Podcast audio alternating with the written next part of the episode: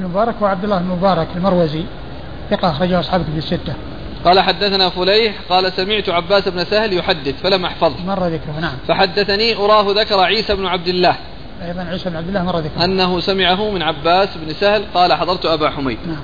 قال حدثنا محمد بن معمر قال حدثنا حجاج بن منهال قال حدثنا همام قال حدثنا محمد بن جحادة عن عبد الجبار بن وائل عن أبيه رضي الله عنه عن النبي صلى الله عليه وآله وسلم. والله تعالى أعلم وصلى الله وسلم وبارك على عبده ورسوله نبينا محمد وعلى آله وأصحابه أجمعين.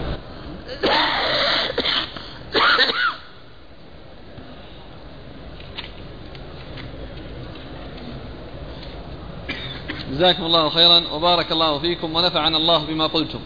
فضيلة الشيخ هل على المصلي المسبوق بعد سلام الإمام أن يقرب إلى الجدار أو شيء ليكون سترة له؟ نعم له ذلك. هل إذا يجوز كان, إذا كان المكان قريبا إذا كان المكان قريبا وقرب لا بأس. هل يجوز لأحد أن يجعل الشخص الجالس أمامه سترة له؟ يمكن لأن الصف الثاني يعني آه، سترتهم الصف الأول وهكذا. يقول وإذا ذهب الجالس ماذا يفعل المصلي؟ يعني يبقى بدون سترة. إذا تبايع المسلم مع الكافر في شيء ثم اكتشف بعد ذلك أنه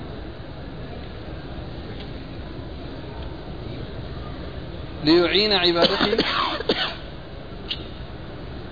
ما هو واضح؟ والداي ما عندهما قدرة مالية للحج والعمرة. فهل يجوز لي أن أعتمر عنهما أو أحج؟ الحي لا يحج عنه إلا في إحدى حالتين. أن يكون هرما كبيرا لا يستطيع السفر والركوب أو يكون مريضا مرضا لا يرجى برؤه. هذان هما اللذان يحج عنهما ويعتمر. وإذا كان غير قادرين وأنت غير قادر فلا يكلف الله نفسا إلا وسعها. وإذا يسر الله لك أو لهم يعني القدرة المالية فيعني عليك أو عليهم أن يؤدوا ما فرضه الله عليهم. يسأل عن قول الله جل وعلا وقد خاب من حمل ظلما. ما المقصود بهذا الظلم؟ هل هو الشرك أم الظلم عامة؟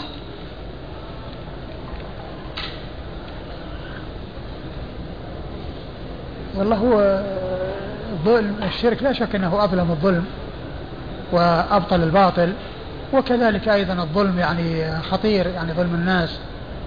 يعني فيبدو والله أعلم أن أنه يعني يشمل يعني الظلم الذي هو الأكبر ولكن الخيبة يعني العظيمة والخيبة النهائية التي ليس يعني وراءها سلامة يعني وهو دخول النار والخلود فيها. طبعا هذا لا يكون للكفار.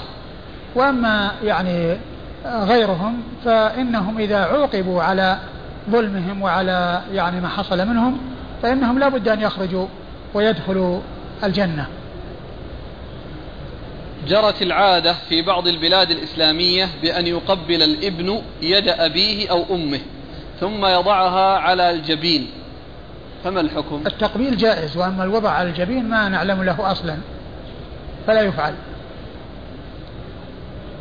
ما هي ضوابط الاستحلال التي يعد بها العاصي مستحلا للمعصية؟ أبي مجرد الدعوة إليها أو بالمجاهرة بها؟ المجاهرة يعني ما فيها استحلال. إذا كان الإنسان يعني جاهر بالمعصية لا يقال أنه مستحل لها. ولكن الاستحلال هو كونه يعني يقول إنه حلال إنه ما فيها مانع. وأما مجرد يعني كونه يعني يفعل الشيء وهو لم يعني يأتي عنه أو يأتي منه أو يسمع منه ما يدل على استحلاله؟ لا يعتبر مستحلا لأن المجاهرة ما هي باستحلال. ولكن المجاهرة يعني زيادة في المعصية وقلة حياء وزيادة في قلة الحياء وقلة المبالاة. يقول أبي مجرد الدعوة إليها إذا دعا إلى هذه المعصية. وكذلك وكذلك لو دعا إلى هذه المعصية وهو غير مستحل لها وإنما يعني أعجبه ذلك الأمر المحرم ودعا غيره إلى ذلك ما يقال أن هذا استحلال. هذا يعني ذم اللهم إلا إذا قال هذا حلال ما في بأس افعلوه فإنه لا بأس به هذا هو الذي حلال. هذا هو الذي استحلال. يقول إذا سئل طالب العلم عن مسألة ولم يكن عنده علم بها فكتمها وقال الله أعلم. مع علمه أن المسألة المسؤول عنها غير متعينة عليه وذلك لوجود من هو أعلم منه أو أن السائل إنما يسأل من باب زيادة المعلومات فهل يدخل في الوعيد على من كتم العلم؟ كون الإنسان يعني يحيل إلى غيره لا بأس بذلك. وإذا كان أنه يعني محتاج إليه والأمر متعين عليه فلا يجوز له ذلك. وأما إذا كان أنه يوجد من يعني آه، آه، آه، يقوم بها يعني بالفتوى ويحصل منه الفتوى والإنسان أراد أن يكون في عافية لا بأس بذلك لا بأس بهذا. ما دام أنه يعني فيه من يتحمل عنه ومن يقوم بذلك عنه لا بأس. أما إذا تعين عليه ليس له ذلك. السائل يقول ما كان عنده علم. ما كان عنده علم؟ السؤال إيش كيف هو؟ إذا سئل طالب العلم عن مسألة. آه. عن آه. مسألة ما وكان عنده علم فكتب عن مسألة ما. آه. أي مسألة من المسائل وكان عنده علم. مم. وقال الله أعلم. كلمة الله أعلم صحيحة لكن كلمة لا أدري هي التي يعني ما تكون مستقيمة. إذا كان يدري. ولكن كونه يقول الله أعلم يعني الجواب صحيح. لأنه وإن كان عنده علم فالله أعلم. ولكن كونه يعني يقول يعني اسأل غيري أو اذهب إلى فلان اسأله ولكن حيث يتعين عليه لا يجوز له. إذا تعين عليه الإفتاء. ما معنى قول بعض الأئمة المتقدمين من علماء الحديث؟ إذا تكلمنا في الحلال والحرام شددنا في الأسانيد فإذا كان الترغيب والترهيب تساهلنا. ومعلوم أنه يحتج بالحسن لغيره في الأحكام. فهل يعني هذا أنهم يذكرون في الترغيب والترهيب ما دون مرتبة الحسن لغيره من الأحاديث الضعيفة؟ الله الذي يبدو ويظهر أن الأحاديث الضعيفة لا يعول عليها لا في ترغيب ولا, ولا في غيره. لأن لأن التعويل عليها يعني معناه إقرار بإضافة آه، آه، الشيء إلى الرسول صلى الله عليه وسلم وهو غير وهو لم يثبت. والإمام مسلم رحمه الله في المقدمة ذكر أن الأحاديث لا يعني آه، أن الضعيفة لا يعول عليها. يعني لا في الترغيب ولا في الترهيب ولا في غير ذلك. وإنما يعول على ما يصح وما يثبت في جميع هذه الأشياء. ومن ذلك الترغيب والترهيب. فالترغيب والترهيب يعني العمل بها على اعتبار أن هذه سنة جاءت عن رسول الله صلى الله عليه وسلم يعني لا, لا, لا يجوز. أما إذا كان هذا الحكم ثابتا بدونها والحديث الضعيف يعني جاء يعني شاهدا أو موافقا لشيء قد صح فالعمرة بما صح. والحديث الضعيف يعني وافق ما هو صحيح فيكون له أصل لكن ليس التعويل عليه. وذلك مثل آه، صلاة الجماعة. يعني الأحاديث اللي دلت على وجوبها صحيح كثيرة وصحيحة وجاء أحاديث ضعيفة في تدل على وجوب الجماعة. فإذا هناك أصل يعني لهذا الضعيف والمعول على ذلك الضعيف على الحديث الصحيح. أما إذا كان الحديث ما وجد إلا عن طريق ضعيف مرة ما يوجد إلا عن طريق ضعيف مثل صلاة الرغائب. مثلا أول جمعة من رجب ما جاءت إلا من طريق ضعيف. هذه لا يعمل بها ولا يجوز العمل بها لأن إضافة ذلك إلى الرسول صلى الله عليه وسلم آه يعني معناه آه إضافة شيء غير ثابت إلى الرسول صلى الله عليه وسلم ويعمل به على أنه جاء عن رسول الله عليه الصلاة والسلام وهو لم يثبت عنه.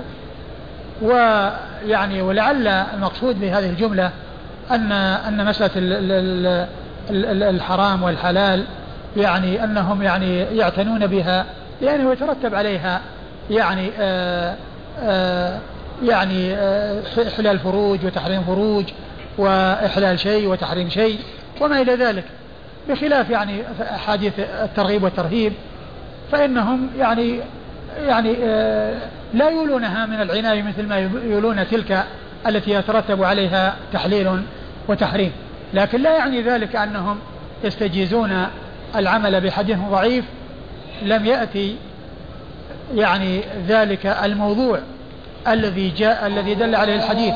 إلا من طريق ذلك الضعيف مثل صلاة الرغائب لا يقال ذلك. جزاكم الله خيرا. وبارك الله بسم الله الرحمن الرحيم. الحمد لله رب العالمين. الصلاة والسلام على عبد الله ورسوله نبينا محمد وعلى آله وصحبه أجمعين. أما بعد قال الإمام أبو داود السجستاني رحمه الله تعالى تحت ترجمة باب افتتاح الصلاة.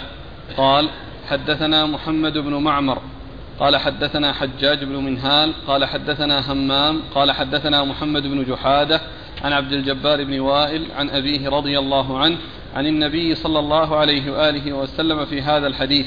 قال فلما سجد وقعتا ركبتاه إلى الأرض قبل أن تقع كفاه. قال فلما سجد وضع جبهته بين كفيه وجاف عن إبطيه. قال حجاج. وقال همام وحدثنا شقيق.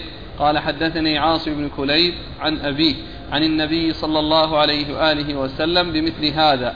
وفي حديث أحدهما وأكبر علمي أنه حديث محمد بن جحادة وإذا نهض نهض على ركبتيه واعتمد على فخذه.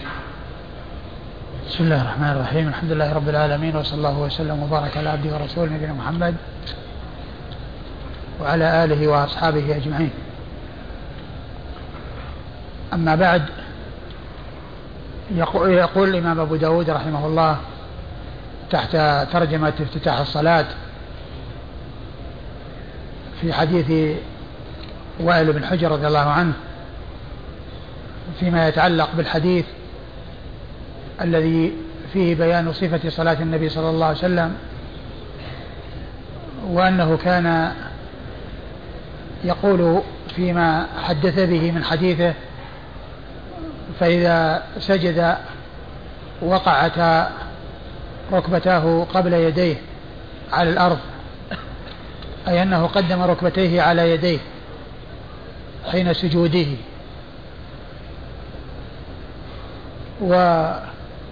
وحديث وائل بن حجر رضي الله عنه يدل على تقديم الركبتين. وقال به جماعة من أهل العلم. وقال جماعة منهم بتقديم اليدين على الركبتين. أخذا بحديث أبي هريرة رضي الله عنه. أن النبي صلى الله عليه وسلم قال لا يبرك أحدكم كما يبرك البعير وليضع يديه قبل ركبتيه. فمن أهل العلم من رجح حديث وائل بن حجر ومنهم من رجح حديث أبي هريرة فقدم اليدين على الركبتين. ومن الذين قالوا بتقديم اليدين تقديم الركبتين على اليدين قالوا إن حديث أبي هريرة فيه قلب. وقد ذكر ذلك ابن القيم في كتابه زاد المعاد. قال والأصل أن يكون وليضع ركبتيه قبل يديه. فحصل القلب بالتقديم والتأخير. والعلماء كما ذكرت اختلفوا منهم من صحح أو قوى حديث أبي هريرة وهو فيه كلام. ومنهم من قوى حديث آه، وائل بن حجر وفيه كلام. فقدم الركبتين على اليدين. وقوله في هذه الرواية وقعتا الركبتان أو ركبتاه قبل يديه هذا فيه جمع بين الضمير والاسم الظاهر. مع أن الأصل ألا يذكر الضمير مع الاسم الظاهر بل يكون اللفظ أو الصواب أو المعروف إيه، إيه، وقعت ركبتاه وقعت ركبتاه. لكن هذا هذه الصيغة هي لغة مشهورة والتي يسمونها لغة أكلون البراغيث. وقد جاء مثالها في القرآن وكذلك في السنة. فمما جاء في القرآن وأسروا النجوى الذين ظلموا. وأسروا النجوى الذين ظلموا. ففيه الاسم الظاهر الذي هو الذين ظلموا وفيه الضمير الذي هو الواو في قوله وأسروا واو الجماعة. وفي القرآن وفي الحديث يتعاقبون فيكم ملائكة بالليل وملائكة بالنهار. يتعاقبون فيكم ملائكة بالليل وملائكة بالنهار.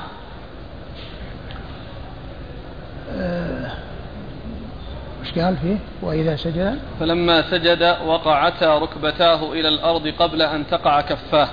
أيوة. قال فلما سجد وضع جبهته بين كفيه وجافى عن إبطيه.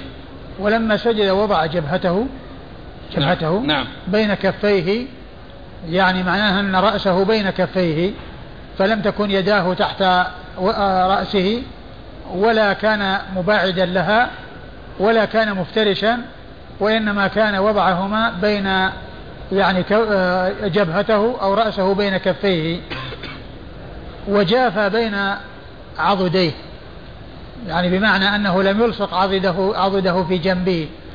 واعتمد على فخذيه في مرفقيه بل اعتمد على يديه وعلى ركبتيه وعلى قدميه وعلى آه، جبهته. هذه الأمور السبعة أو هذه الأحوال الأعضاء السبعة آه، ممكنة من الأرض. ممكنة من الأرض. الجبهة مع الأنف. أيوة. وفي حديث عاصم بن كليب عن أبيه عن النبي صلى الله عليه وسلم بمثل هذا. وفي حديث عاصم بن كليب عن أبيه بمثل هذا يعني هذا طريق آخر. عن عن عاصم بن كليب عن أبيه بمثل هذا بمثل هذا اللفظ.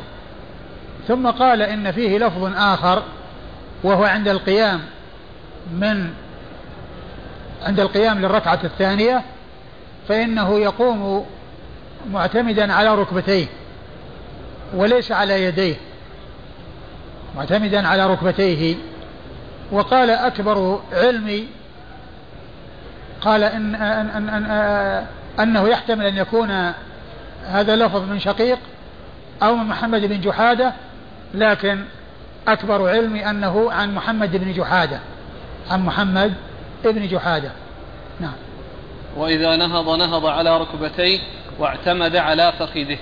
نعم هذا هو اللفظ الذي قال إنه أكبر علمي أنه لفظ محمد بن جحادة يعني أنه لأنه ذكر من طريقين الطريقة الأولى التي أسندها طريق محمد بن جحادة والطريقة الثانية التي علقها آه طريق آه عاصم آه، شقيق عن عاصم بن كليب عن أبيه شقيق عن عاصم بن كليب عن أبيه يعني الحجاج بن منهال عن عن همام عن شقيق.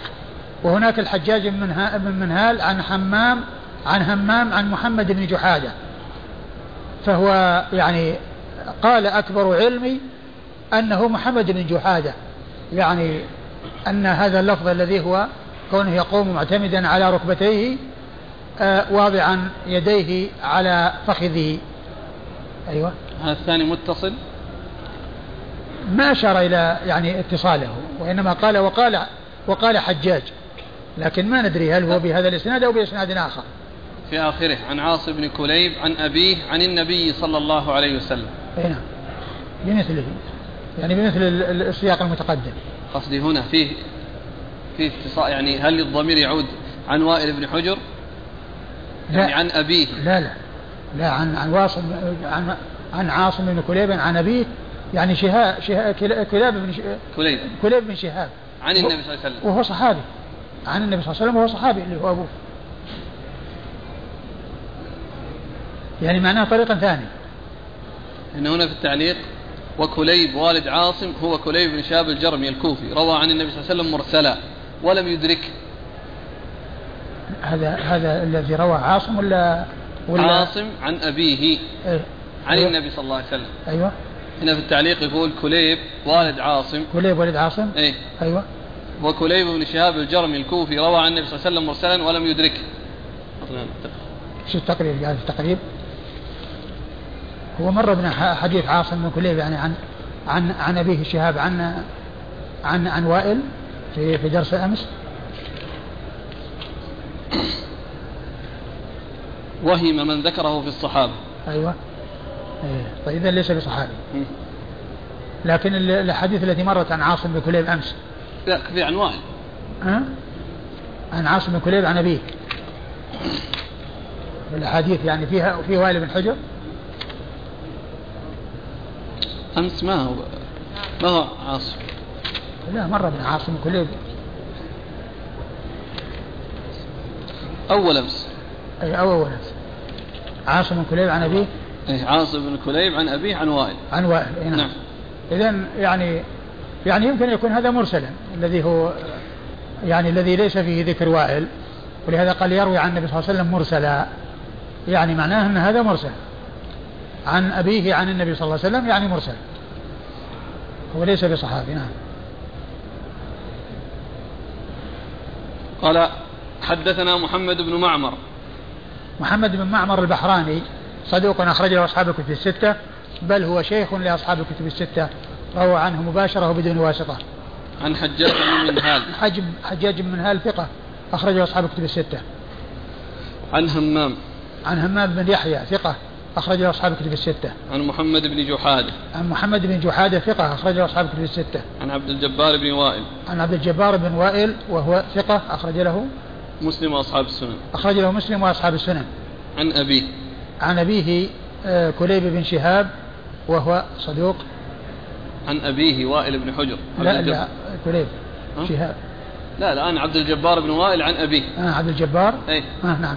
عبد الجبار آه، آه، آه، عن عن وائل بن حجر صاحب رسول الله صلى الله عليه وسلم وحديثه أخرجه البخاري في جزء القراءة ومسلم وأصحاب السنن عبد الجبار عن أبيه هذا منقطع يعني ليس متصل لأن عبد الجبار لم يسمع من أبيه ولكن الذي سمع منه منه علقمة إذا يعني هذا الحديث ما يصح الاستدلال به. يعني هذا الحديث نفسه أو بهذا الطريق يعني لا يصلح لكنه جاء من طريق أخرى يعني آه متصلا. يعني من غير طريق عبد الجبار. ثم قال فهذا قال يعني يكون يعني آه متابع. نعم. ثم قال قال حجاج. وذلك الطريق فيه شريك شريك القاضي. شريك النخعي الكوفي القاضي هو في ذلك الطريق الذي هو متصل. يجي عندنا ولا في كتاب ما أدري في ما أدري والله في ما أدري قد يأتي لأن سيأتي الباب يعني باب خاص بتقديم الركبتين على اليدين. سيأتي باب عند أبي داود تقديم الركبتين على اليدين. طيب قال حجاج وقال همام وحدثنا شقيق. شقيق هو أبو شقيق أبو إيش؟ مجهول أخرجه إيه. أبو داود وحده. نعم.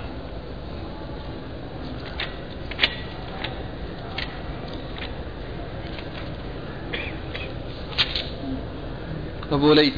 شقيق أبو ليث نعم. هو يروي عن عاصم بن كليب. عن عاصم بن كليب؟ مر ذكره. عن عاصم بن كليب هو هو صدوق. صدوق أخرج له البخاري تعليقا ومسلم وأصحاب السنن البخاري تعليقا ومسلم وأصحاب السنن عن أبيه. عن أبيه آه، كليب بن شهاب وهو صدوق. وهو صدوق أخرج له البخاري في رفع اليدين وأصحاب السنن البخاري في رفع اليدين وأصحاب السنن قال حدثنا مسدد قال قال حدثنا مسدد قال حدثنا عبد الله بن داود عن فطر عن عبد الجبار بن وائل عن أبيه رضي الله عنه أنه قال رأيت رسول الله صلى الله عليه وآله وسلم يرفع إبهاميه في الصلاة إلى شحمة أذنيه. ثم ورد أبو داود حديث وائل بن حجر من طريق أخرى وفيه أن النبي صلى الله عليه وسلم كان يرفع إبهاميه في الصلاة إلى شحمة أذنيه. وهذا مطابق لما جاء في الأحاديث الأخرى أنه كان يرفع إلى أذنيه وكان يرفع إلى منكبيه. وكل, ذا وكل من ذلك ثابت.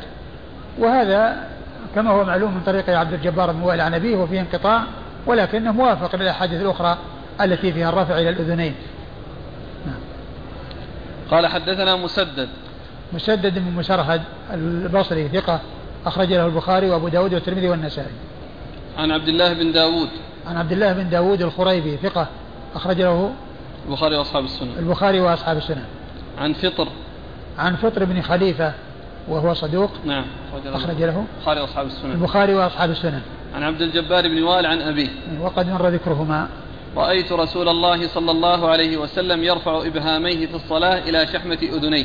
يعني معناه أنه يرفع يعني أن إبهاميه تكون عند شحمة الأذنين وهي الشحمة اللي اللي تكون آه، أسفل الأذن آه، اللحمة الرقيقة المتدلية. هذه قالها شحمة الأذن. نعم. لا.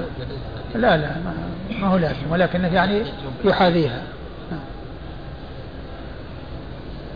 قال حدثنا عبد الملك بن شعيب بن الليث قال حدثني أبي عن جدي عن يحيى بن أيوب عن عبد الملك بن عبد العزيز بن جريج عن ابن شهاب عن أبي بكر بن عبد الرحمن بن الحارث بن هشام عن أبي هريرة رضي الله عنه أنه قال كان رسول الله صلى الله عليه وآله وسلم إذا كبر للصلاة جعل يديه حذو منكبيه وإذا ركع فعل مثل ذلك. وإذا رفع للسجود فعل مثل ذلك. وإذا قام من الركعتين فعل مثل ذلك. ثم ورد أبو داود حديث أبي هريرة رضي الله عنه وفيه الرفع في المواضع الأربعة التي مرت في حديث أبي حميد الساعدي وهي عند تكبيرة الإحرام وعند الركوع وعند الرفع منه وعند القيام من التشهد الأول وعند القيام من التشهد الأول. فهذه المواضع في حديث أبي هريرة قد جاءت في حديث أبي حميد الساعدي رضي الله تعالى عنهما فهو مطابق لما تقدم ولفظه كان رسول الله صلى الله عليه وآله وسلم إذا كبر للصلاة جعل يديه حذو منكبيه. جعل يديه حذو منكبيه يعني رفعهما حتى حاذ المنكبين. وإذا, وإذا ركع فعل مثل ذلك. وإذا ركع فعل مثل ذلك. وإذا قام للسجود وإذا يعني يعني إذا قام يعني من, من الركوع يعني ليسجد. يعني إذا قام من ركوعه آه ليسجد ففعل مثل ذلك.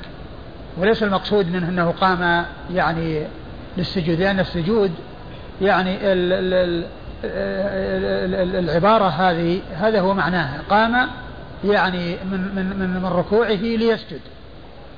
قام ركوعه ليسجد. والسجود كما هو معلوم ليس فيه قيام له وإنما فيه نزول. السجود فيه نزول وليس فيه قيام. وإذا قام للسجود وإذا قام من ركوعه ليسجد آه، فعل مثل ذلك. فهو مطابق لحديث أبي حميد الساعدي المتقدم. نعم. وإذا قام من الركعتين فعل مثل ذلك. وإذا قام من الركعتين يعني في التشهد من التشهد الأول سواء كانت الصلاة ثلاثية أو رباعية نعم قال حدثنا عبد الملك بن شعيب بن الليث. عبد الملك بن شعيب بن الليث. عبد الملك هو آه، صدوق. ثقة. ثقة أخرج له مسلم وأبو داود والنسائي. نعم. وأبوه شعيب كذلك أخرج ثقة أخرج له مسلم وأبو داود والنسائي. وعبد والليث بن سعد ثقة فقيه أخرج له أصحاب الكتب الستة. ويحيى بن أيوب صدوق أخرج له أصحاب الكتب الستة. أو صدوق ربما أخطأ صدوق ربما صدوق ربما أخطأ أخرج له. نعم. أصحاب الكتب الستة. نعم. نعم. عن عبد الملك بن عبد العزيز. عن عبد الملك بن عبد العزيز بن جريج وهو ثقة آه، أخرج له أصحاب الكتب الستة. عن ابن شهاب. عن ابن شهاب محمد بن مسلم بن عبيد الله بن شهاب الزهري ثقة أخرج له أصحاب الكتب الستة. عن أبي بكر بن عبد الرحمن بن الحارث. عن أبي بكر بن عبد الرحمن بن الحارث بن هشام وهو ثقة فقيه أحد فقهاء المدينة السبعة على أحد الأقوال الثلاثة في السابع منهم. وحديثه أخرجه أصحاب الكتب الستة. عن أبي هريرة عبد الرحمن بن صخر الدوسي صاحب رسول الله صلى الله عليه وسلم وهو أكثر الصحابة حديثا على الإطلاق رضي الله عنه وأرضاه. والحديث ضعف الألباني ولكن ال ال ابن القيم يقول إنه على شرط مسلم. يعني هذا الحديث على شرط مسلم وذلك أن رواته كلهم خرج لهم مسلم. لأن الباقين متفق على الإخراج لهم إلا آه، آه، عبد الملك وشعيب فانفرد مسلم عن البخاري في الإخراج لهما. وجه التضعيف؟ ما أعلم يعني ما أعلم وجه التضعيف يعني بس الألباني كتب ضعيف ولا ذكر وجهه. قال حدثنا قتيبة بن سعيد قال حدثنا ابن لهيعة عن أبي هبيرة عن ميمون المكي أنه رأى عبد الله بن الزبير رضي الله عنهما وصلى بهم يشير بكفيه حين يقوم وحين يركع وحين يسجد وحين ينهض للقيام فيقوم فيشير بيديه. فانطلقت إلى ابن عباس رضي الله عنهما فقلت إني رأيت ابن الزبير صلى صلاة لم أر أحدا يصليها فوصفت له هذه الإشارة فقال إن أحببت أن تنظر إلى صلاة رسول الله صلى الله عليه وآله وسلم فاقتدي بصلاة عبد الله بن الزبير. ثم ورد أبو داود حديث عبد الله بن الزبير رضي الله تعالى عنه. قال يقول ميمون المكي. أيوة ميمون المكي قال أنه رأى عبد الله بن الزبير وصلى بهم يشير بكفيه حين يقوم. حين يقوم حين يقوم. نعم. أيوة. وحين يركع وحين يسجد وحين يعني حين يقوم يعني للصلاة يعني حين يكبر يعني في الدخول في الصلاة. وحين يركع يعني للركوع وحين يسجد أيوة. وحين ينهض للقيام. وحين يسجد وحين ينهض للقيام. يعني حين سجوده وحين نهوضه للقيام أيوة. فيقوم فيشير بيديه. فيقيم فيشير بيديه يعني من أنه يرفعهما.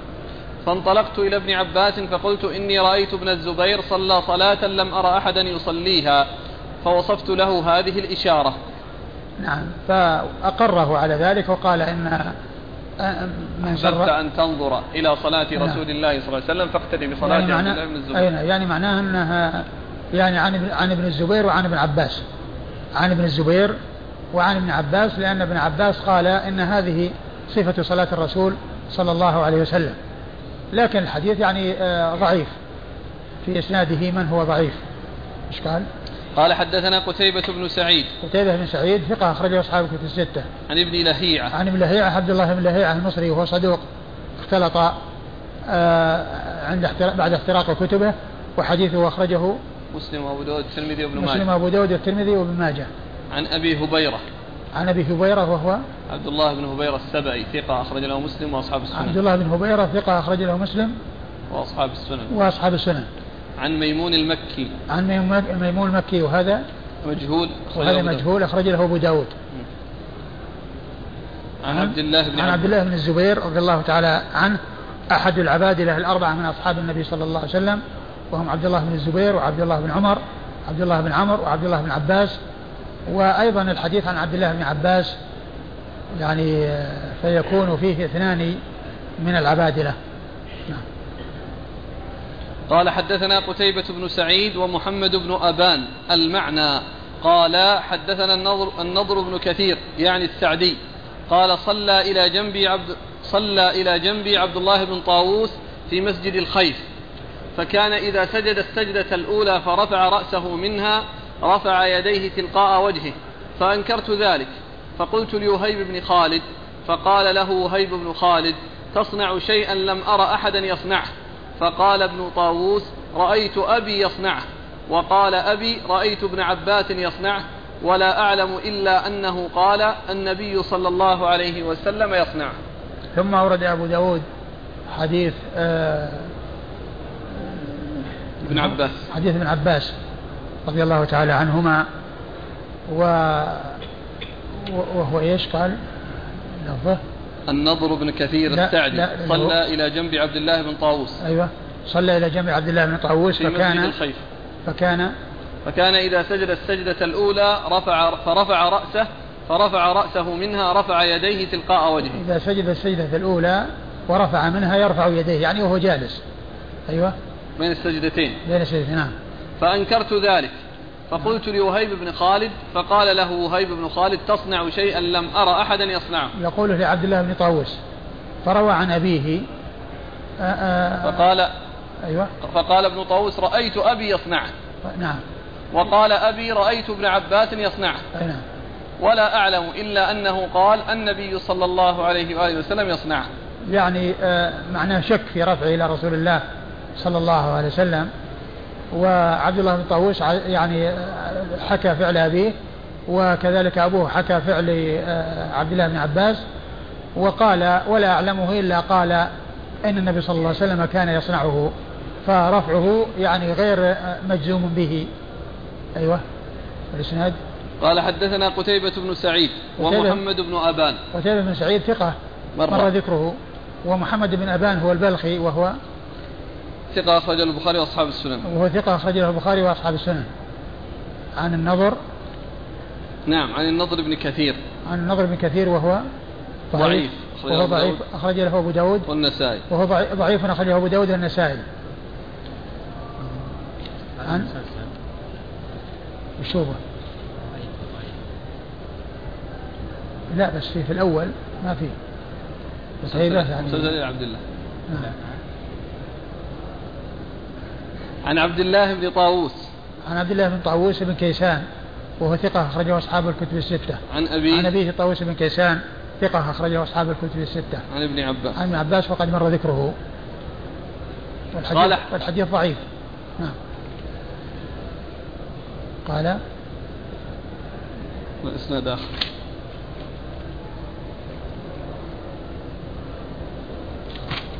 قال حدثنا نصر بن علي قال أخبرنا عبد الأعلى قال حدثنا عبيد الله عن نافع عن ابن عمر رضي الله عنهما أنه كان إذا دخل في الصلاة كبر ورفع يديه وإذا ركع وإذا ركع وإذا قال سمع الله لمن حمده وإذا قام من الركعتين رفع يديه ويرفع ذلك إلى رسول الله صلى الله عليه وآله وسلم.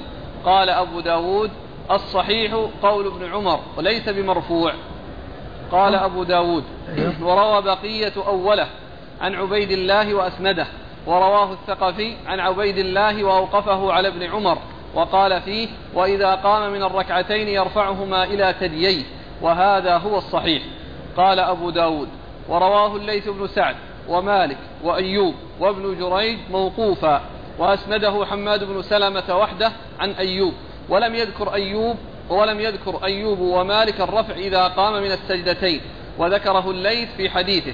قال ابن جريج قال ابن جريج فيه قلت لنافع أكان ابن عمر يجعل الأولى أرفعهن؟ قال لا سواء. قلت أشر لي فأشار إلى الثديين أو أسفل من ذلك. ثم ورد أبو داود حديث عبد الله بن عمر رضي الله تعالى عنهما أنه كان إذا صلى رفع يديه عند الإحرام عند التكبير عند الإحرام وعند الركوع وعند الرفع منه وعند القيام من الركعتين أي عند القيام من التشهد الأول. ثم ذكر يعني ابن أبو داود رحمه الله الكلام حول رفعه أو وقفه على عبد الله بن عمر رضي الله تعالى عنهما. لكن آه، ابن عمر رضي الله عنه جاء عنه مرفوعا في الصحيحين أنه آه، أن النبي صلى الله عليه وسلم كان يكبر عند تكبيرة الإحرام والركوع والرفع منه ولا يفعل ذلك في آه، يعني ولا ولا يفعل ذلك في غير هذا. يعني فقضية يعني كون ال ال كونه مرفوع إلى رسول الله صلى الله عليه وسلم يعني جاء ثابتا في الصحيحين صحيح البخاري وصحيح مسلم من حديث عبد الله بن عمر رضي الله تعالى عنهما. ويعني وهذا الاختلاف الذي ذكره أبو داود لا يؤثر. لأن يعني ذلك ثابت عنه مرفوعا إلى رسول الله صلى الله عليه وسلم وهو في صحيح البخاري وصحيح مسلم. نعم.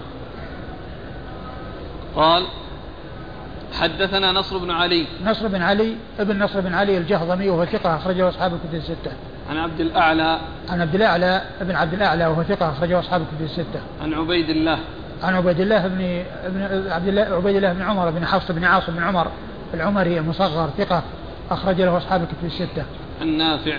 عن نافع مولى بن عمر وهو ثقة أخرج له أصحاب الكتب الستة. عن ابن عمر. عن ابن عمر عبد الله بن عمر بن الخطاب رضي الله عنهما أحد العبادلة الأربعة من الصحابة وأحد السبعة المعروفين بكثرة الحديث عن النبي صلى الله عليه وسلم. قال أبو داود الصحيح قول ابن عمر ليس بمرفوع يعني الصحيح يعني أنه موقوف على ابن عمر قوله يعني أنه موقوف عليه وليس مرفوعا إلى رسول الله صلى الله عليه وسلم نعم. قال أبو داود وروى بقية أوله عن عبيد الله وأسنده. وروى بقية, وروى بقية أوله عن عبيد الله وأسنده. يعني بقية من الوليد وهو ثقة وهو صدوق كثير التدليس عن الضعفاء. أخرج حديثه البخاري تعليقا ومسلم وأصحاب السنن. ورواه الثقفي عن عبيد الله وأوقفه على ابن عمر. الثقفي هو عبد المجيد. عبد الوهاب بن عبد الوهاب بن عبد المجيد وهو ثقة أخرجه أصحاب أصحاب الكتب الستة.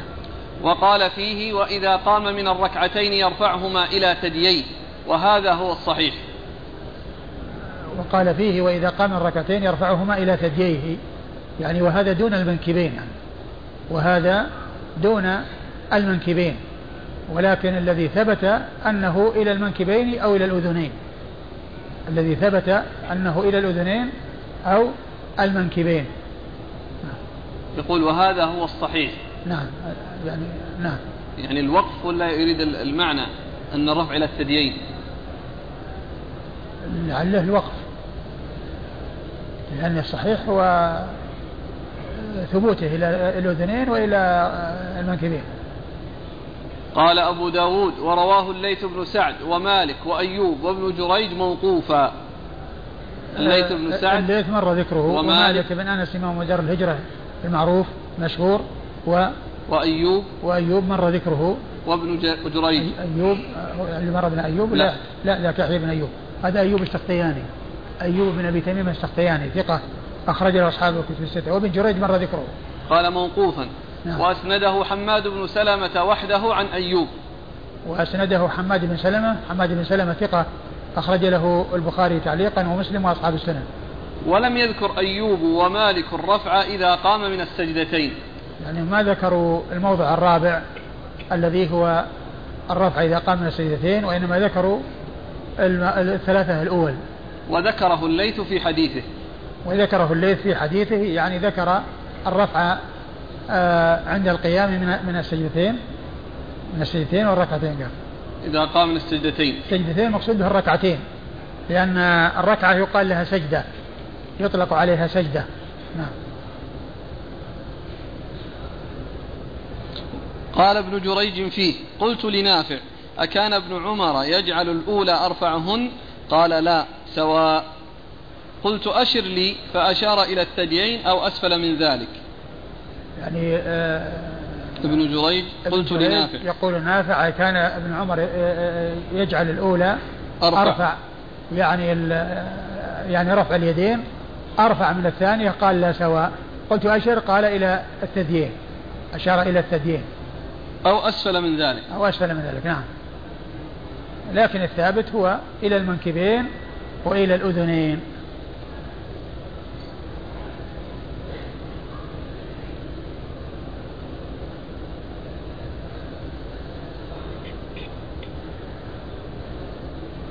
قال حدثنا القعنبي عن مالك عن نافع أن ابن عمر رضي الله عنهما كان إذا ابتدأ الصلاة يرفع يديه حذو منكبيه وإذا رفع رأسه من الركوع رفعهما دون ذلك. قال أبو داود لم يذكر رفعهما دون ذلك أحد غير مالك فيما أعلم.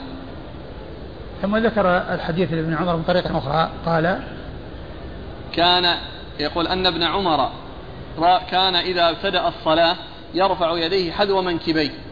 كان إذا ابتدأ الصلاة رفع يديه حذو منكبيه, منكبيه أيوه. وإذا رفع رأسه من الركوع رفعهما دون ذلك. وإذا رفع رأسه من الركوع رفعهما دون ذلك يعني فرق بين آه كيفية الرفع وأنه في الأولى يكون أعلى وفي الثانية يكون أنزل.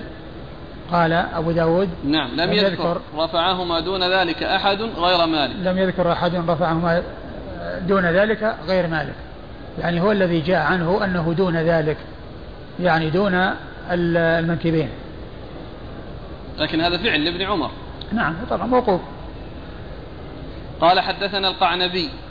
القعنبي عبد الله بن مسلمة من قعنب ثقة أخرج له أصحاب الكتب الستة إلا ابن ماجه. عن مالك عن نافع عن ابن عمر. وقد مر ذكرهم جميعا. قال رحمه الله تعالى باب من ذكر أنه يرفع يديه إذا قام من الثنتين. قال حدثنا عثمان بن أبي شيبة ومحمد بن عبيد المحاربي قال حدثنا محمد بن فضيل عن عاصم بن كليب عن محارب بن دثار عن ابن عمر رضي الله عنه أنه قال كان رسول الله صلى الله عليه وآله وسلم إذا قام من الركعتين كبر ورفع يديه. ثم ورد أبو داود هذه الترجمة وهي باب من قال نعم من ذكر أنه يرفع يديه إذا قام من الثنتين. باب من ذكر أنه يرفع يديه إذا قام من الثنتين يعني من الركعتين الأوليين. يعني فيما إذا كانت الصلاة ثلاثية أو رباعية. فيما إذا, إذا يعني إذا قام من التشهد الأول. إذا قام من التشهد الأول هذا هو المقصود بقوله قام من الثنتين. يعني بعد الثنتين الأوليين عندما يقوم من التشهد الأول يرفع يديه. وهذا أحد المواضع الأربعة الثابتة عن رسول الله صلى الله عليه وسلم من حديث أبي حميد الساعدي المتقدم وكذلك من حديث غيره. نعم. قال حدثنا شو قال اللفظ؟ عن ابن عمر قال كان رسول الله صلى الله عليه وسلم إذا قام من الركعتين كبر ورفع يديه. كان إذا قام من الركعتين كبر ورفع يديه يعني أن هذا من المواضع أو هذا أحد المواضع الأربعة التي ترفع فيها الأيدي عند عند التكبير. نعم. قال حدثنا عثمان بن أبي شيبة. عثمان بن أبي شيبة ثقة أخرج له أصحاب الكتب الستة إلا الترمذي. ومحمد بن عبيد المحاربي. محمد بن عبيد المحاربي ثقة أخرج له. صدوق أخرج له أبو داود الترمذي والنسائي. صدوق أخرج له أبو داود والترمذي والنسائي. عن محمد بن فضيل. عن محمد بن فضيل بن غزوان وهو صدوق أخرج له أصحاب الكتب الستة. عن عاصم بن كليب عن محمد بن الدثار.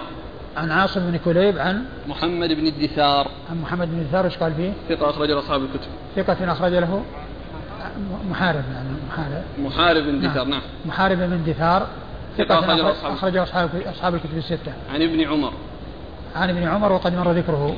قال حدثنا الحسن بن علي قال حدثنا سليمان بن داود الهاشمي قال حدثنا عبد الرحمن بن أبي الزناد عن موسى بن عقبة عن عبد الله بن الفضل بن ربيعة بن الحارث بن عبد المطلب عن عبد الرحمن الأعرج عن عبيد الله بن أبي رافع عن علي بن أبي طالب رضي الله عنه عن رسول الله صلى الله عليه وآله وسلم أنه كان إذا قام إلى الصلاة المكتوبة كبر ورفع يديه حذو منكبيه ويصنع مثل ذلك إذا قضى قراءته وأراد أن يركع ويصنعه إذا رفع من الركوع ولا يرفع يديه في شيء من صلاته وهو قاعد وإذا قام من السجدتين رفع يديه كذلك وكبر. قال أبو داود في حديث أبي حميد الساعدي حين وصف صلاة النبي صلى الله عليه وآله وسلم إذا قام من الركعتين كبر ورفع يديه حتى يحاذي بهما منكبيه كما كبر عند افتتاح الصلاة. ثم ورد أبو داود حديث علي بن أبي طالب رضي الله عنه. وهو مثل الأحاديث المتقدمة التي فيها ذكر الأربعة المواضع عند تكبيرة الإحرام والركوع والرفع منه والقيام من التشهد الأول. نعم. قوله ولا يرفع يديه في شيء من صلاته وهو قاعد. يعني معناه عند بين السجدتين أو يعني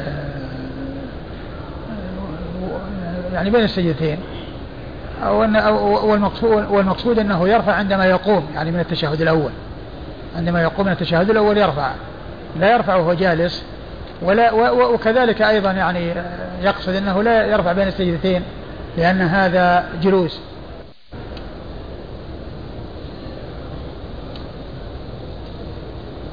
قال حدثنا الحسن بن علي. الحسن بن علي الحلواني ثقة أخرج له أصحاب الكتب إلا النسائي. عن سليمان بن داود الهاشمي. عن سليمان بن داود الهاشمي ثقة أخرج له أصحاب الكتب. البخاري في خلق أفعال العباد وأصحاب السنن. البخاري في رفع في في رفع في خلق أفعال العباد وأصحاب السنن. عن عبد الرحمن بن أبي الزناد. عن عبد الرحمن بن أبي الزناد وهو صدوق. نعم أخرج له البخاري تعليقا. مسلم في المقدمة وأصحاب السنن. أخرجه البخاري تعليقا ومسلم في المقدمة وأصحاب السنن. عن موسى الرحمن بن أبي الزناد هذا ابن أبي الزناد عبد الله بن ذكوان. وبه يكنى كنيته أبو عبد الرحمن. هذا هو الذي يكنى به. وأما أبو الزناد فهي لقب له وليست بكنية. أبو الزناد هي لقب وليست كنية ولكنها على صيغة الكنية. وكنيته أبو عبد الرحمن وهو يكنى بابنه هذا. والرواية هنا في الإسناد عن عبد الرحمن ابن أبي الزناد. أيوه. عن موسى بن عقبة. عن موسى بن عقبة المدني ثقة. أخرج له أصحاب الكتب الستة. عن عبد الله بن الفضل بن ربيع بن الحارث بن عبد عن المطلب. عبد الله بن الفضل بن ربيعة بن الحارث بن عبد المطلب. نعم. وهو- ثقة أخرج له أصحاب الكتب. وهو ثقة أخرج له أصحاب الكتب الستة. كتب عن عبد الرحمن ابن الأعرج. نعم. يقول الموجود عندنا عبد الرحمن ابن الأعرج. لا عبد الرحمن الأعرج. عن عبد الرحمن الأعرج. عبد الرحمن بن هرمز الأعرج. فهو يعني إما أن تكون ابن زائدة أو أن فيه هرمز ساقطة. عن عبيد الله بن أبي رافع. عن عبيد الله بن أبي رافع وهو ثقة. مولى النبي صلى الله عليه وسلم وكاتب عليه. أبوه, أبوه مولى النبي لكن هو إيش قال عنه؟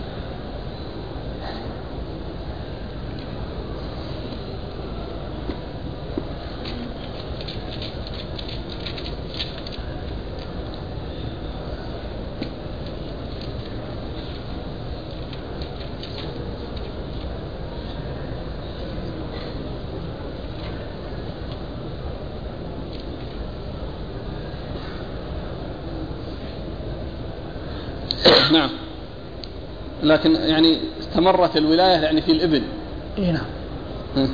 ثقة أخرج له أصحاب الكتب. وهو ثقة أخرجه أصحاب الكتب الستة. عن علي بن أبي طالب. عن علي بن أبي طالب أمير المؤمنين ورابع الخلفاء الراشدين الهادين المهديين صاحب المناقب الجمة والفضائل الكثيرة رضي الله عنه وأرضاه وحديثه عند أصحاب الكتب الستة.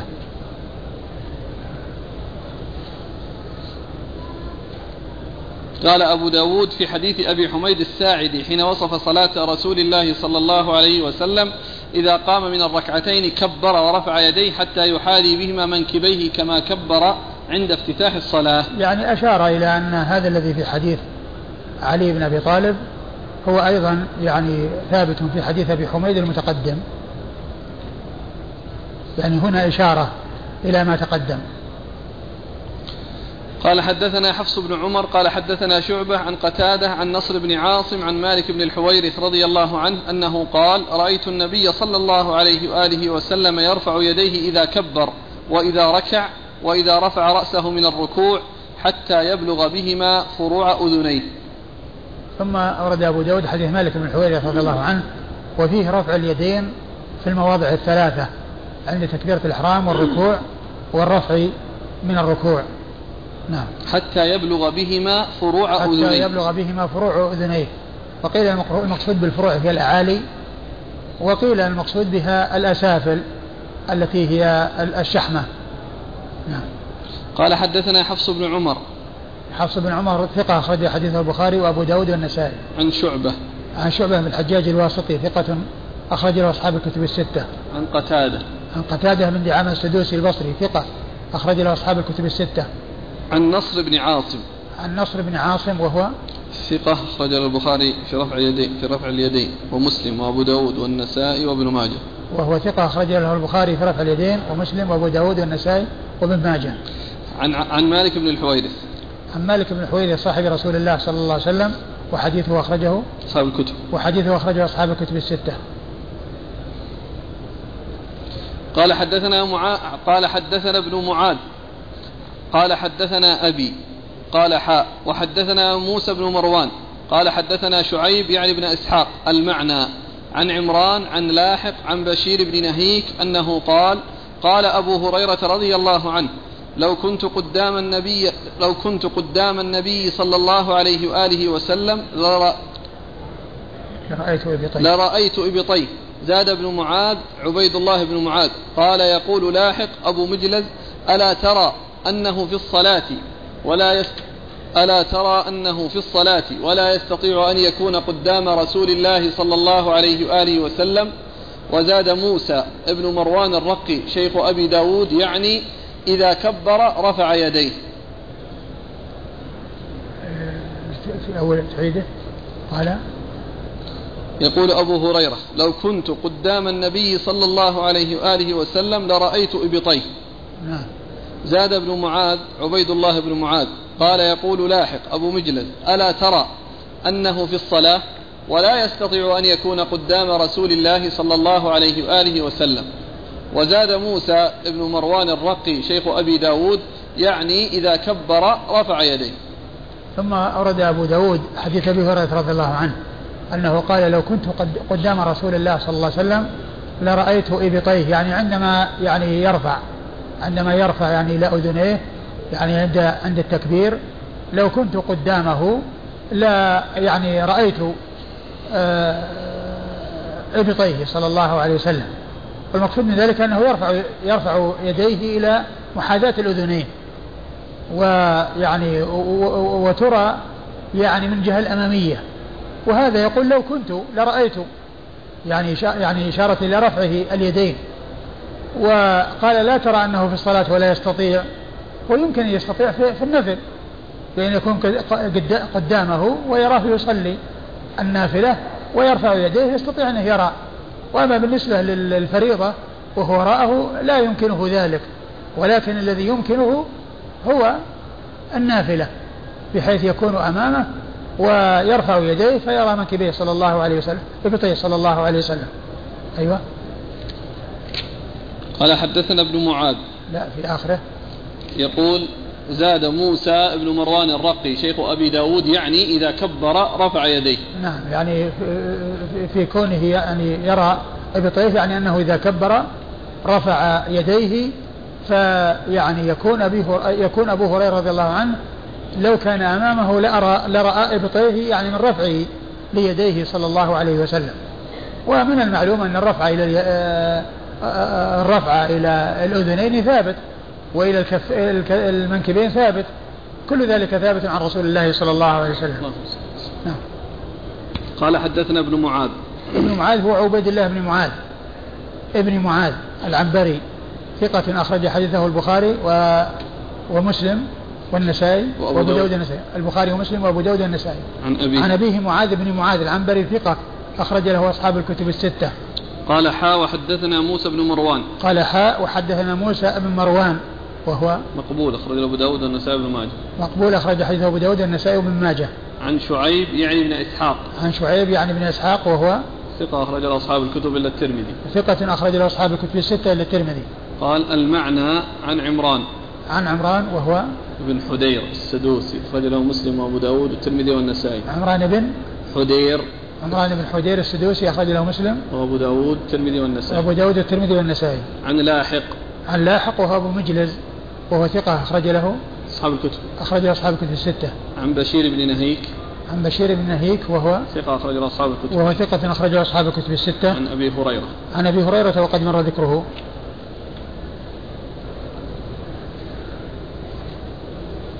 قال حدثنا عثمان بن أبي شيبة قال حدثنا ابن إدريس عن عاصم بن كليب عن عبد الرحمن بن الأسود عن علقمة أنه قال قال عبد الله رضي الله عنه علمنا رسول الله صلى الله عليه وآله وسلم الصلاة فكبر ورفع يديه فلما ركع طبق يديه بين ركبتيه قال فبلغ ذلك سعدا فقال صدق أخي قد كنا نفعل هذا ثم أمرنا بهذا يعني الإمساك على الركبتين.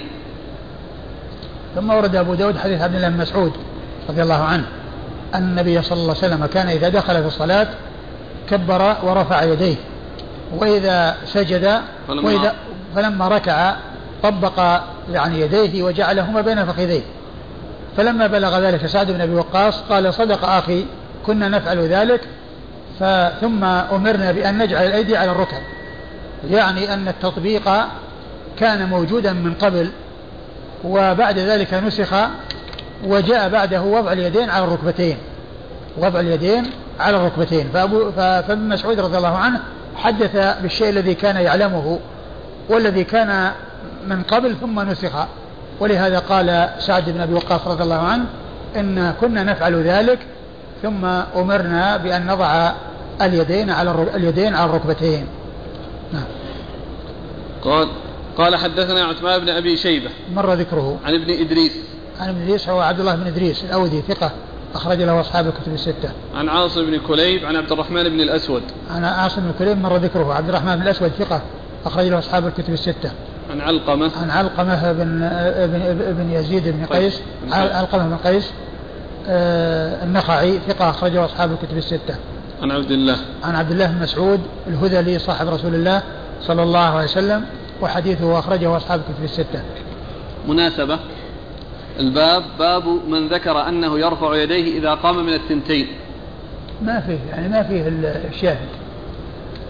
أقول ما فيه يعني الذي أورده هنا ليس فيه شاهد. والذي قبله؟ والذي قبله لو كنت قدام النبي صلى الله عليه وسلم لرأيت نعم وكذلك أيضا. وكذلك أيضا. بعض النسخ باب. والتي عندنا وضعها بين معكوفتين. من ذكر أنه يرفع يديه إذا قام الثنتين فكأن يعني باب هكذا مطلقة أولى من هذه الزيادة لأن ستتضمن أحاديث. هي هي باب إذا جاءت مطلقة يعني معناها لها علاقة في الباب السابق. إيه لا علاقة في نعم، الصلاة نعم صحيح. قال رحمه الله تعالى باب من لم يذكر الرفع عند الركوع. والله تعالى أعلم وصلى الله وسلم وبارك على عبده ورسوله نبينا محمد وعلى آله وأصحابه أجمعين. في حديث 739 قال حدثنا قتيبة بن سعيد عن ابن لهيعة عن أبي هبيرة عن ميمون المكي أنه رأى عبد الله بن الزبير. أيوة. في يقول الأخ في عون المعبود يقول أبو هريرة أبو هبيرة هو محمد بن الوليد بن هبيرة الهاشمي الدمشقي القلساني. قال ابن أبي حاتم صدوق. ونحن قلنا أبو, أبو هبيرة هو عبد الله بن هبيرة السبئي ثقة أخرج له مسلم وأصحاب السنن. إيه. أنا أقول أنه ما ذكر عن المعبود ما هو بصحيح. لأن محمد بن هبيرة محمد بن الوليد بن هبيرة الهاشمي أبو هبيرة الدمشقي القلساني من الحادي عشرة. مات سنة ست وثمانين. وهو من الحادي عشر؟ كيف هذا الحين؟ من الحادي عشر؟ إيه. طبعا لا يكون. أقول لا يمكن أن يكون هذا.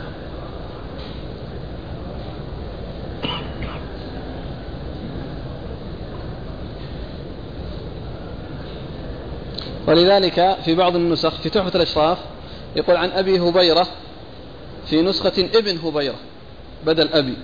إيه. ثم قال قوله عن أبي هبيرة كذا في الأصل المنقول منه وكذا كان في نسخة وفي بعض الأصول عن ابن هبيرة. نسبه في الأطراف فقال عن عبد الله بن هبيرة وهو عبد الله بن هبيرة بن أسعد السبعي وكنيته أبو هبيرة. إيه. من وافقت كنيته؟ طبعا هذاك اللي هم ما دام إنه الحادي عشر لا يمكن أن يكون. وهو هذا. عبد الله بن هبيرة أبو هبيرة يعني موافقة كنيته اسم أبيه. كنيته؟ موافقة كني موافقة اسم أبيه.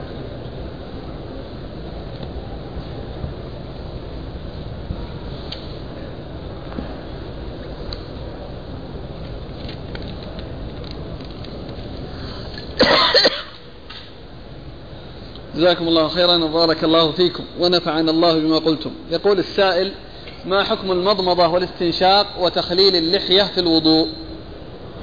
المضمضة والاستنشاق واجبة وأما تخليل اللحية فهو مستحب. يقول وهل تخليل اللحية يكون مع غسل الوجه أو بعده؟ لا مع غسل الوجه. كيف نستعمل الماء للوضوء حتى لا يكون إسرافا؟ إذا كان الماء يجري باستمرار كما وجدنا في دورة المياه في هذا المسجد. كما وجدنا في في هذا المسجد. في كل مكان. الماء يجري من الصنابير يعني في كل مكان. الإنسان يعني أولا إذا فتح الصنبور لا يفتح بقوة يفتحه بمقدار يعني ما يعني يكفي ويعني لا يزيد عن ثلاث عندما يستعمل عندما يتوضأ لا يزيد عن ثلاث غسلات. وبذلك يكون الإنسان غير مسرف. يعني لا يتجاوز ولا يصب الماء صب قوي يعني بحيث إنه يعني يضيع ماء كثير في أثناء الوضوء. وهل هناك صلاة صلاة نافلة قبل صلاة العشاء؟ بين كل أذانين صلاة كما قال ذلك رسول الله صلى الله عليه وسلم. يعني بين كل صلاة يعني بين بين المغرب والعشاء بين بين بين, بين الأذان والإقامة في المغرب وبين الأذان والإقامة في العشاء. كل ذلك داخل تحت قوله بين كل أذانين صلاة. يعني بين الأذانين الأذان والإقامة يعني. الأذان والإقامة ومن ذلك صلاة العشاء. تدخل في يعني هذا اللفظ. هذا الأخ يسأل عن الإمام أبي حنيفة رحمه الله. وش فيه؟ هل هل يقال أنه إمام أهل الرأي؟ ولا يدخل في أهل السنة؟ لا هو من أهل السنة. ومعدود مذهبه من مذاهب أهل السنة الأربعة. وإن كان أنه من أهل الرأي يعني لأنه غالب يعني يعني على الاجتهاد والقول بالرأي يعني إلا أنه من أهل السنة. والمذهب من المذاهب الأربعة التي هي مذاهب أهل السنة الأربعة. يقول كيف جرحه أئمة السلف؟ على كل السلف تكلموا في الرواة يعني يعني بما بما فيهم جرحا وتعديلا وكونه يعني تكلم فيه لا يعني أنه أو أنه يعني يكون إمام أو صاحب مذهب أو إنه مشهور بالفقه يعني إنه يعني لا كلام فيه أو إنه لم يتكلم فيه بل تكلموا فيه من حيث الرواية. وأما من حيث الفقه ومن حيث المذهب فهو إمام مشهور. الاعتقاد. والاعتقاد كذلك هو من أهل السنة. والطحاوي لما ذكر عقيدة أهل السنة والجماعة قال هي عقيدة أبو حنيفة وغيره من الأئمة. ولكنه عنده يعني يعني في مسألة الإيمان ويعني أرجاء الفقهاء الذي يسمى أرجاء الفقهاء. هو يعني ممن لا يجعل الأعمال داخلة في في مسمى الإيمان.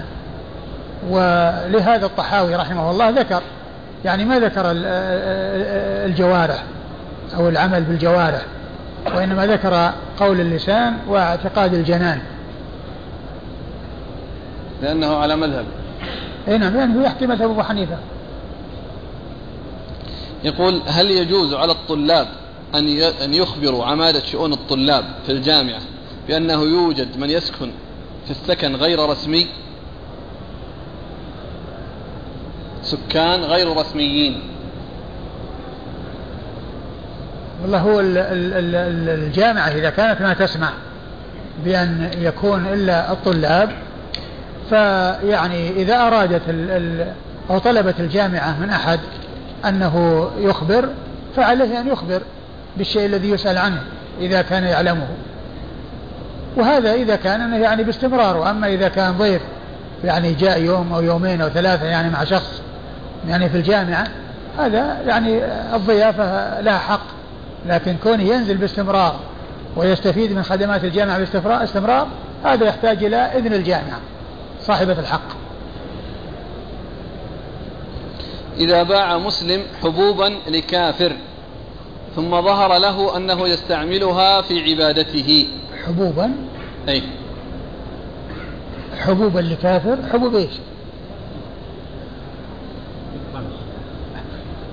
يستعملها في عبادته إيش معنى يستعملها في عبادته القمح يعني السؤال يعني يعني غير واضح. ورد في الحديث أنه من حلف باللات والعزى فليقل لا إله إلا الله. حلف باللات؟ أي نعم. فهل يقاس عليه كل ما حلف بغير الله؟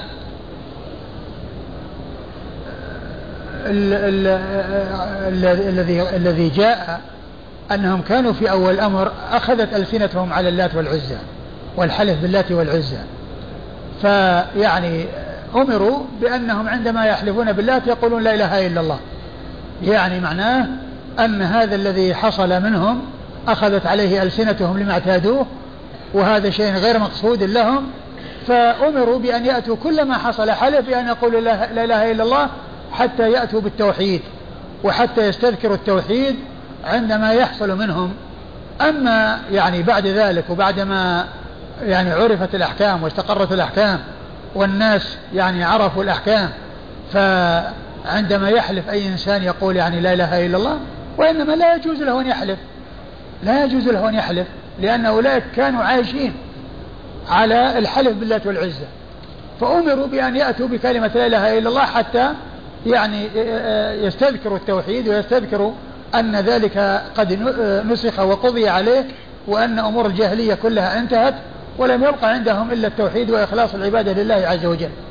أما بعد ذلك يعني كون أن أحد يعني يحلف بغير الله عز وجل لا يجوز له أن يحلف عليه أن يقلع عن ذلك وأن يبتعد عن ذلك.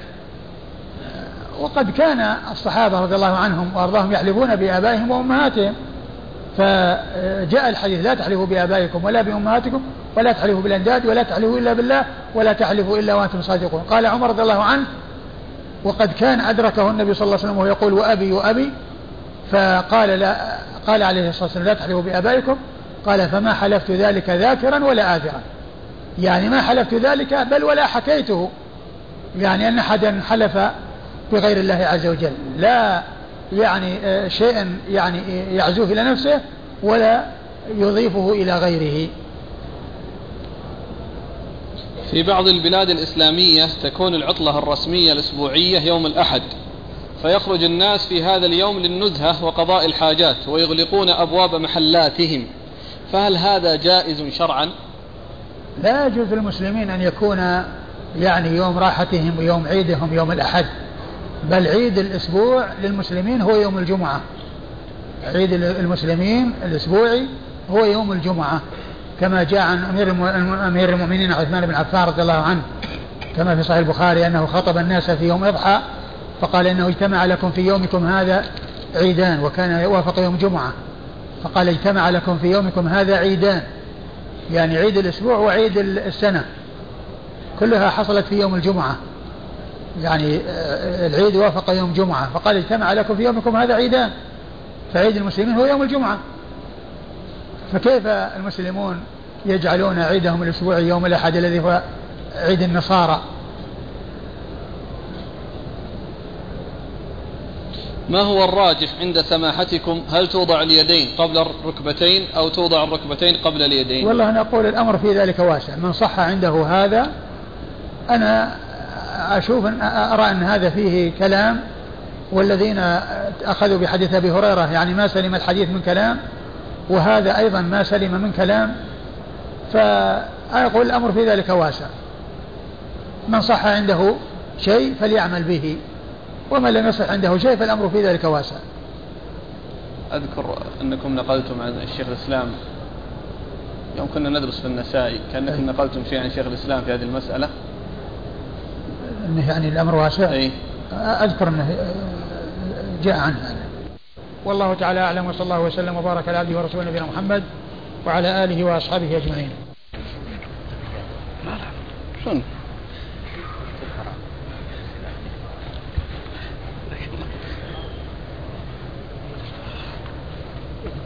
بسم الله الرحمن الرحيم. الحمد لله رب العالمين والصلاة والسلام على عبد الله ورسوله.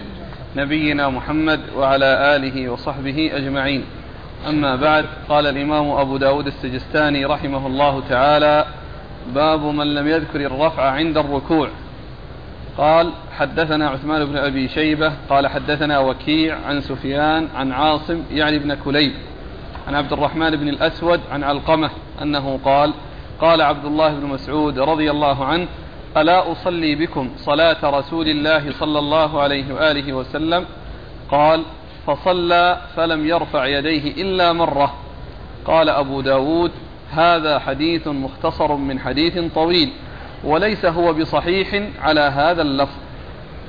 بسم الله الرحمن الرحيم. الحمد لله رب العالمين وصلى الله وسلم وبارك على عبده ورسوله نبينا محمد وعلى آله وأصحابه أجمعين. أما بعد يقول الإمام أبو داود السجستاني رحمه الله تعالى باب من لم يذكر الرفع عند الركوع. يعني لم يذكر رفع اليدين إلى محاذاة المنكبين أو الأذنين عندما يركع لأنه ذكر في الأبواب السابقة أو البابين السابقين الأحاديث التي فيها الرفع عند الركوع وعند القيام من الركوع وعند القيام من التشهد الأول. ثم أتى بهذه الترجمة وهي باب من لم يذكر الرفع عند الركوع. يعني أنه ورد في بعض الأحاديث عدم ذكر الرفع عند الركوع. ولكن ما دام أنه قد ثبت في الصحيحين وفي غيرهما الرفع عند الركوع فإن هذا هو الذي يعتمد وهذا هو الذي يعول عليه. والذي لم يذكر الرفع عند الركوع قد ذكره غيره فيعول على رواية من ذكر ومن حفظ حجة على من لم يحفظ. ولا يعارض آه، ما ورد من ذكر عدم الرفع مع ما ورد من ذكر الرفع لأن أكثر ما في الأمر أن يكون بعض الروايات جاء فيها عدم الرفع جاء فيها الرفع عند التكبيرة الأولى ولم يذكروا شيئا وراء ذلك. لكن قد جاءت الروايات الأخيرة الروايات الكثيرة زائدة على الموضع الأول الذي هو عند تكبيرة الإحرام. الموضع الأول الذي هو عند تكبيرة الإحرام وهو ما يكون عند الركوع وعند الرفع من الركوع وعند القيام من التشهد الأول. وقد أورد أبو داود رحمه الله حديث عبد الله بن مسعود رضي الله عنه أنه قال ألا أصلي بكم صلاة رسول الله صلى الله عليه وسلم؟ فرفع يديه في أول مرة فرفع يديه في أول مرة. ثم قال أبو داود إن هذا ليس بصحيح. وقد تكلم جماعة من أهل العلم في هذا الحديث. وبعض أهل العلم قال إنه صحيح أو حسن. ولكن لا يعارض الأحاديث الكثيرة التي جاءت مثبتة للرفع عند الركوع لأن هذه فيها زيادة ومن حفظ حجة على من لم يحفظ لا سيما وهي موجودة في الصحيحين وفي غيرهما. نعم. قال حدثنا عثمان بن أبي شيبة. عثمان بن أبي شيبة ثقة أخرج له أصحاب الكتب الستة إلا الترمذي. عن وكيع. عن وكيع بن الجراح الرؤاسي الكوفي ثقة أخرج له أصحاب الكتب الستة. عن سفيان. عن سفيان هو الثوري سفيان بن سعيد بن مسروق الثوري ثقة فقيه أخرج له أصحاب الكتب, أصحاب الكتب الستة. عن عاصم يعني بن كليب. عن عاصم يعني بن كليب وهو صدوق أخرج له البخاري تعليقا ومسلم وأصحاب السنن. البخاري تعليقا ومسلم وأصحاب السنن. عن عبد الرحمن بن الأسود. عن عبد الرحمن بن الأسود وهو ثقة أخرج له أصحاب الكتب الستة. عن علقمة. عن علقمة ابن قيس وهو ثقة أخرج له أصحاب الكتب الستة. عن عبد الله بن مسعود. عن عبد الله بن مسعود الهذلي صاحب رسول الله صلى الله عليه وسلم وحديثه أخرجه أصحاب الكتب الستة. يقول يقول وليس هو بصحيح على هذا اللفظ. لما؟ يعني ليس هو بصحيح على هذا اللفظ الذي يبدو أنه يعني مخالف يعني للأحاديث للأحاديث الأخرى. إسناد.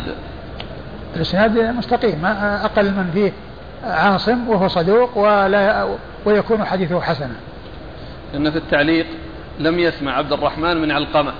إي بس يعني ال ال عبد الرحمن قالوا إنه أدرك عائشة ودخل على عائشة وعلقمة يعني يروي عن عائشة. فالذي يدرك يدرك عائشة يعني آه، يدرك علقمه من باب أولى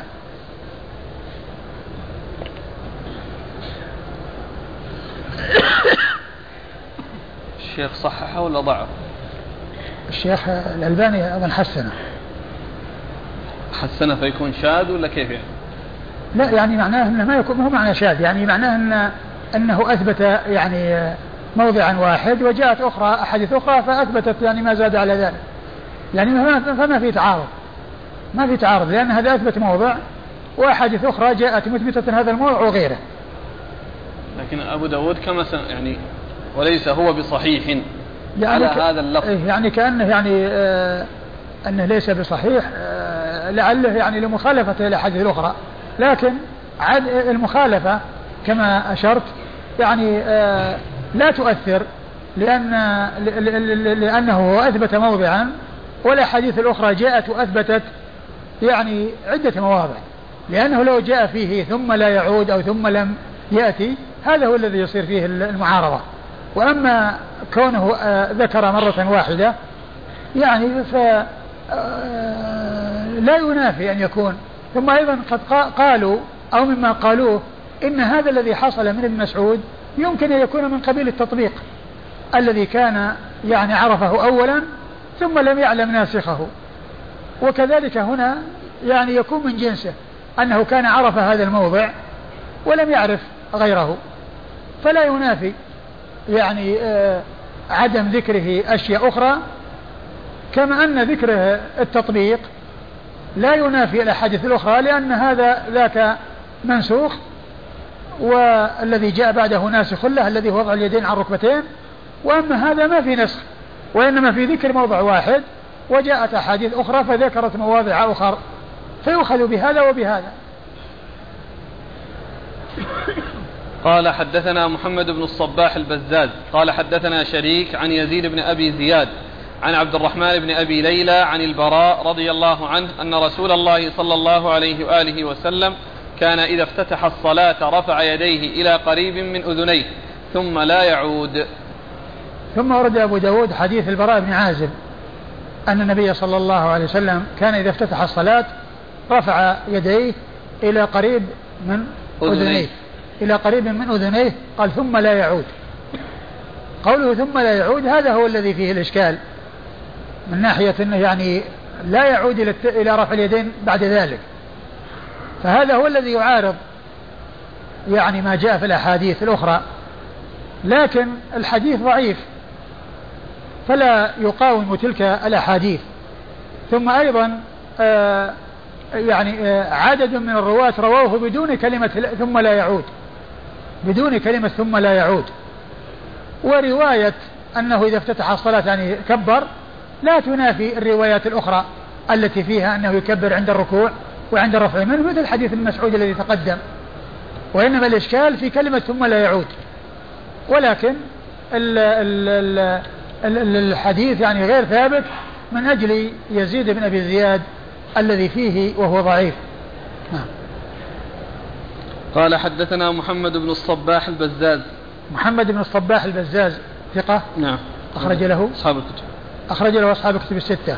عن شريك عن شريك بن عبد الله النخعي الكوفي صدوق كثير آه، آه، الخطأ أخرج له البخاري تعليقا ومسلم وأصحاب السنة.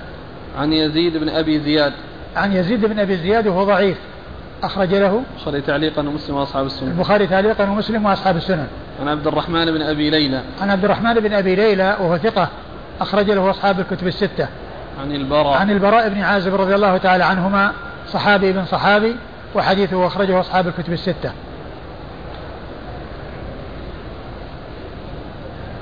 قال حدثنا عبد الله بن محمد الزهري قال حدثنا سفيان عن يزيد نحو حديث شريك لم يقل ثم لا يعود.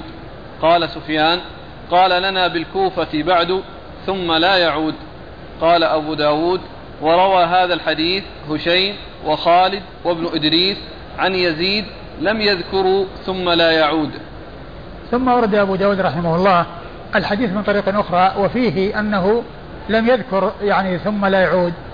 وقال يعني آه، أحد رجال الإسناد أنه قال لهم فيما بعد في الكوفة ثم لا يعود. ثم ذكر أن عددا من الرواة رووه عن يزيد بن أبي زياد ولم يذكروا فيه ثم لا يعود التي هي فيها الإشكال.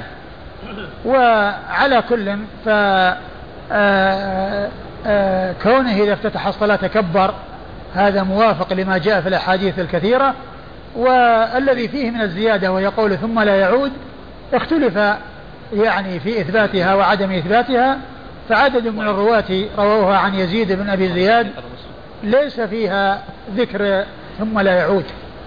وبعضهم رواها ويزيد بن أبي زياد ضعيف فلا يعول على ما جاء في حديثه لا سيما ما جاء مخالفا لما جاء في الصحيحين وفي غيرهما.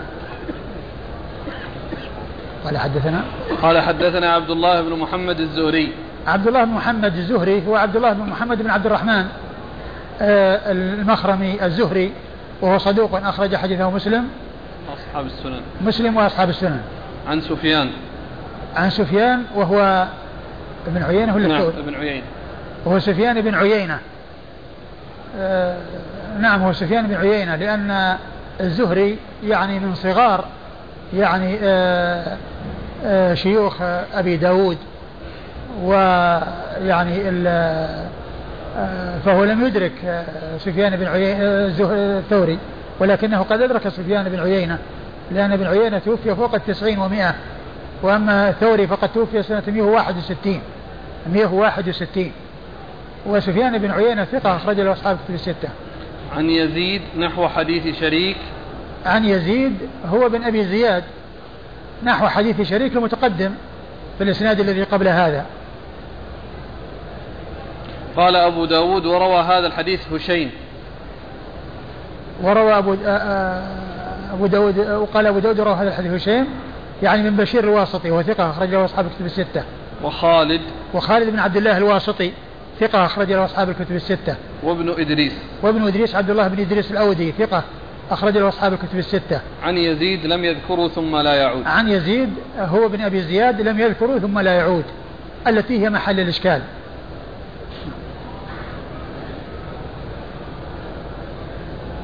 قال حدثنا الحسن بن علي قال حدثنا معاوية وخالد بن عمرو وأبو حذيفة قالوا حدثنا سفيان بإسناده بهذا قال فرفع يديه في أول مرة وقال بعضهم مرة واحدة.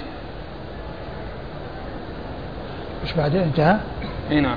ثم ورد أبو داود الحديث من طريق أخرى وهو مثل الذي قبله أنه رفع يعني يديه في أول مرة يعني عند تكبيرة الإحرام. أيوة. ورفع يديه في أول مرة وقال بعضهم مرة واحدة. رفع يديه في أول مرة وقال بعضهم مرة واحدة يعني في أول مرة آه يعني آه مرة واحدة. يعني معناه أنه لم يكرر ذلك. أيوة. وكما هو معلوم هو من طريق يزيد بن أبي زياد. نعم. قال حدثنا الحسن بن علي. الحسن بن علي الحلواني ثقة. أخرج له أصحاب الكتب الستة إلا النسائي. عن معاوية. عن معاوية بن صالح. وهو؟ معاوية بن هشام معاوية بن هشام. وهو إيش؟ صدوق له أوهام. صدوق له أوهام أخرج له؟ البخاري في المفرد ومسلم وأصحاب السنن البخاري في المفرد ومسلم وأصحاب السنن وخالد بن عمرو. وخالد بن عمرو آه كذبوه نعم رماه, رماه ابن معين بالكذب ونسبه صالح جزر وغيره إلى الوضع. نعم يعني متهم بالوضع. وأخرجه أبو داود. وابن ماجه. أخرجه أبو داود وابن ماجه. وأبو حذيفة. وأبو حذيفة هو موسى بن مسعود النهدي صدوق سيء الحفظ. وموسى بن مسعود النهدي صدوق سيء الحفظ أخرجه أبو داود. البخاري وأبو داود الترمذي وابن ماجه. البخاري وأبو داود والترمذي وابن ماجه. قالوا حدثنا سفيان بإسناده بهذا. حدثنا سفيان بإسناده يعني بهذا. أيوة. قال فرفع يديه في أول مرة. نعم. هذا لا يرجع ترى إلى إلى حديث البراء.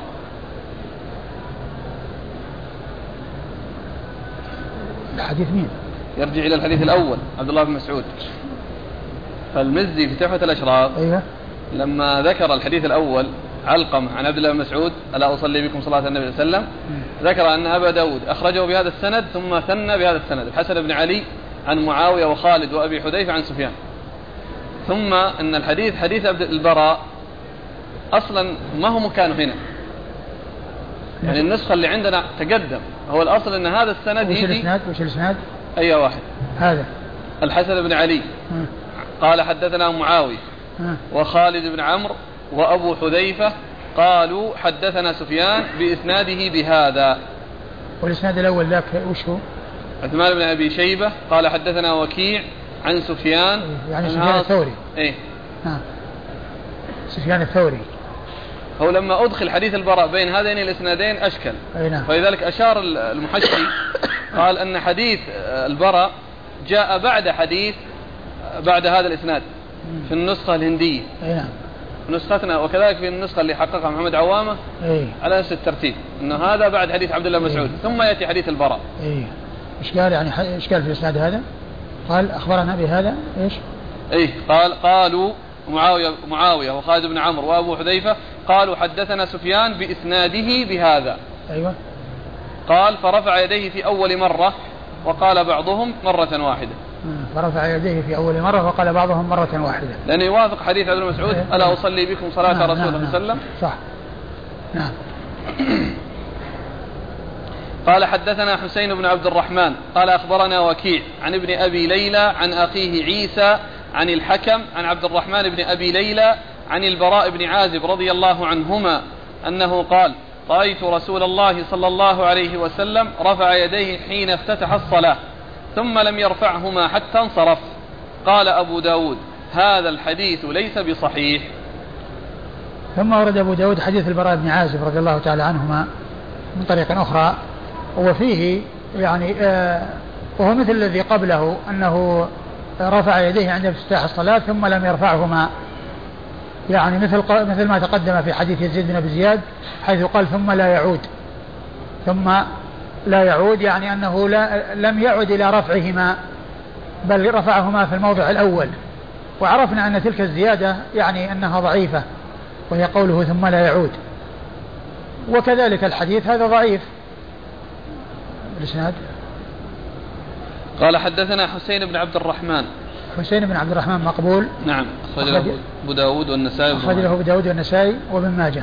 عن وكيع عن ابن أبي ليلى. عن وكيع بن الجراح الرؤاسي مر ذكره عن ابن أبي ليلى وهو محمد بن عبد الرحمن ابن أبي ليلى وهو يعني آه، فقيه مشهور وهو المشهور في يعني في مسائل الفقه عندما يقال ابن أبي ليلى ولكنه يعني في الحديث يعني متكلم فيه. إيش قال عنه صدوق سيء الحفظ جدا.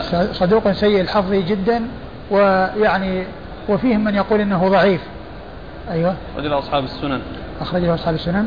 أخرج له أصحاب السنن. عن, عن أخيه عيسى بن عبد الرحمن وهو ثقة أخرج له. أبو داود والترمذي والنسائي في عمل يوم الليلة وابن ماجه. أخرجه أبو داود والترمذي والنسائي في عمل يوم الليلة وابن ماجه. عن الحكم. عن الحكم بن عتيبة الكندي الكوفي وهو ثقة أخرجه أصحاب الكتب الستة. عن عبد الرحمن بن أبي ليلى عن البراء. عن عبد الرحمن بن أبي ليلى عن البراء وقد مر ذكرهما. قال أبو داود هذا الحديث ليس بصحيح. قال أبو داود هذا الحديث ليس بصحيح. يعني فيه ابن أبي ليلى محمد بن عبد الرحمن. قال حدثنا مسدد. قال حدثنا يحيى عن ابن أبي ذئب عن سعيد بن سمعان عن أبي هريرة رضي الله عنه أنه قال كان رسول الله صلى الله عليه وآله وسلم إذا دخل في الصلاة رفع يديه مدا. ثم ورد أبو داود حديث أبي هريرة أن النبي صلى الله عليه وسلم إذا دخل يديه في الصلاة رفع يديه مدا. يعني فذكر فيه رفع اليدين عند الدخول في الصلاة. وهذا كما هو معلوم لا ينافي ما جاء من الأحاديث التي فيها الرفع عند الركوع. فكونه يعني ذكر الرفع عند الركوع ما نفى آه، عند تكبيرة الإحرام ما نفى آه، آه، الرفع في مواضع أخرى. وإنما ذكر أنه يرفع يديه عند الدخول في الصلاة ويمده يمدها مدا. يعني يعني يمد يديه مدا يعني عندما يرفع يديه عند الدخول في الصلاة. وعدم ذكر وكون